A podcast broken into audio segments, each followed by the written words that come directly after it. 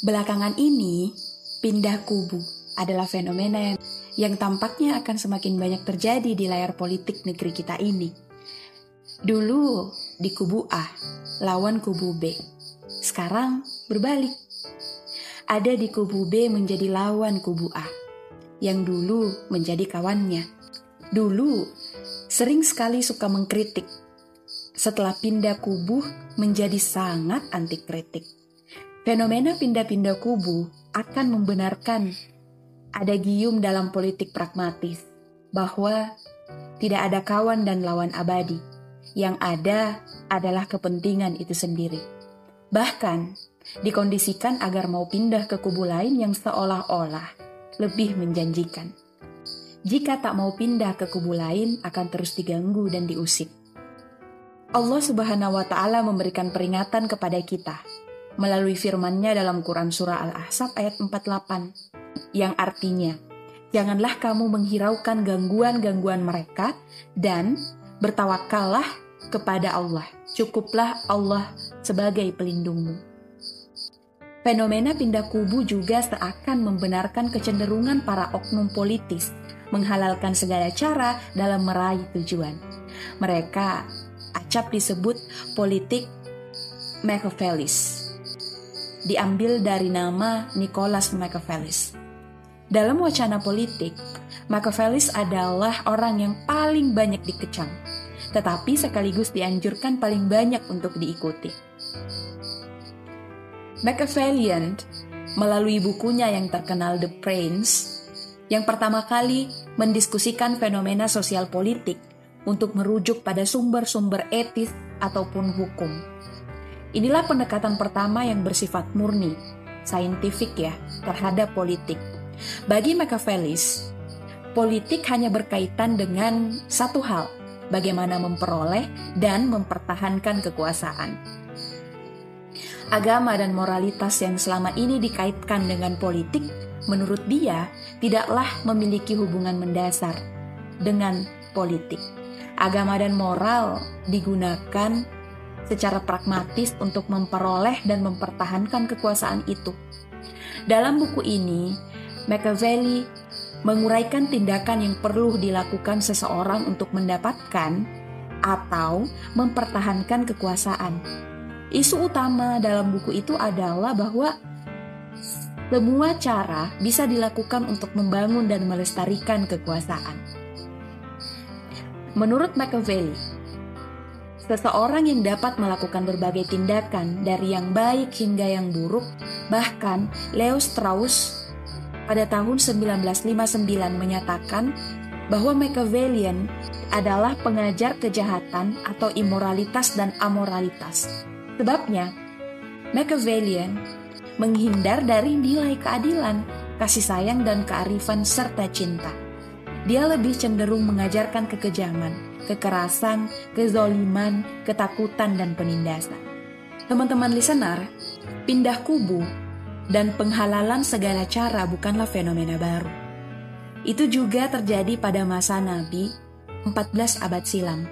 Diceritakan oleh Ibnu Katsir dalam kitab Al-Bidayah wa Ananihayah.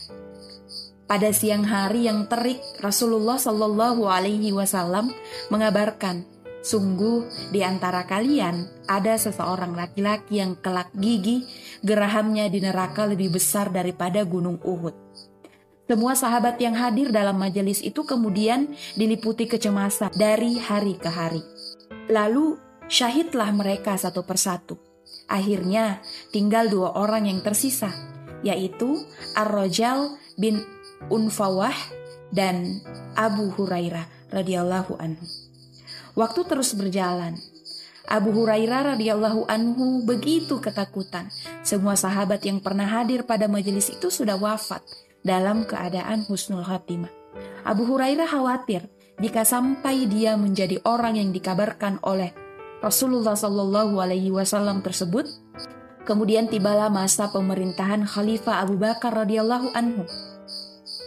Saat itu muncullah nabi palsu bernama Musailamah. Dia kemudian diberikan gelar sebagai Al-Kadzab, sang pendusta. Keberadaannya makin hari makin mengkhawatirkan karena pengikutnya kian hari kian bertambah banyak. Mereka punya Al-Quran baru, membawa Islam baru, dipimpin oleh seorang nabi palsu. Sebab itulah Khalifah Abu Bakar radhiyallahu anhu memerangi mereka habis-habisan.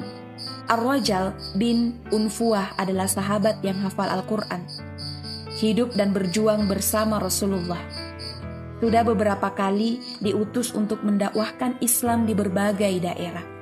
Akhirnya, dia meminta para khalifah Abu Bakar agar dia dikirim untuk menemui dan mendakwahi Musailamah. Khalifah pun memberikan izin. Berangkatlah Ar-Rajal menemui nabi palsu ini. Lalu apa yang kemudian terjadi? Alih-alih mendakwahi Musailamah, Ar-Rajal justru menjadi bimbang dia melihat jumlah pengikut Musailamah sangat banyak. Di sana dia mendapat tawaran menggiurkan disertai argumen Musailamah yang dirasa masuk akal. Ar-Rajjal kemudian goyah. Akhirnya, dia mengkhianati kepercayaan khalifah. Dia membelok. Mulai saat itu, Ar-Rajjal berpindah kubu menjadi pengikut Musailamah Al-Kadzab teman-teman listener, bergabungnya Ar-Rajal semakin memberikan semangat kepada para pasukan nabi palsu. Mereka semakin mantap. Lihatlah, Ar-Rajal, sahabat Nabi Shallallahu alaihi wasallam, hafiz Quran dan pernah berjuang bersama beliau pun sekarang berada di barisan sang nabi palsu. Pengikut Musailamah semakin banyak dan rasa percaya diri mereka semakin tinggi mereka seakan mendapat angin segar dengan bergabungnya seorang tokoh utama di kalangan sahabat. Di sisi lain, Abu Hurairah merasa lega. Sebabnya, sekarang sudah jelas siapa yang dimaksud oleh Rasulullah Shallallahu Alaihi Wasallam yang gigi gerahannya di neraka sebesar gunung Uhud. Umat Islam pada waktu itu juga semakin bersemangat. Mereka makin yakin bahwa mereka di kubu yang benar berdasarkan hadis yang dibawa oleh Abu Hurairah. Semakin panaslah suasana antara kedua kubu, kubu kebenaran dan kubu kebatilan. Masing-masing memiliki kekuatan yang besar. Namun, tentu umat Islam memiliki kekuatan yang jauh lebih besar yang tidak dimiliki oleh pasukan Musailamah, yakni pertolongan dari Allah yang Maha Kuat. Tunggu, fitnah Ar-Rajjal lebih besar daripada fitnah yang ditimbulkan oleh Musailimah. Ini diriwayatkan oleh Ibnu Ishaq dari gurunya Abu Hurairah. Perkataan Abu Hurairah yang mengatakan bahwa fitnah Ar-Rajjal bin Unfuah lebih besar daripada Musailamah ini disebabkan oleh akibat yang ditimbulkan sangatlah besar. Mengapa?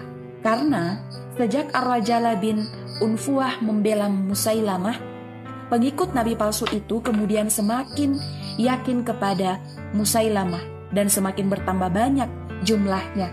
Di sinilah fitnah terbesar itu. Akhirnya, ketika perang berkecamuk antara pasukan Muslim dan pasukan Musailamah, dan Ar-Rajjal berhasil dibunuh oleh Said bin Al-Khattab radhiyallahu an, kakak tertua dari Umar bin Khattab. Begitulah kisah dalam perjuangan Selalu ada hal-hal yang tidak terduga terjadi. Ada masanya kita berjuang bersama sahabat kita, namun di kemudian hari ia berpindah kubu dan menjelma menjadi lawan yang sangat nyata. Tidak usah risau jika sahabat juang kita pindah kubu. Pasti Allah Azza wa Jalla akan selalu menghadirkan kepada kita sahabat-sahabat juang yang baru. Karena itu, dalam berjuang, kita harus menyadari dan meyakini betul untuk apa dan dengan landasan apa kita berjuang.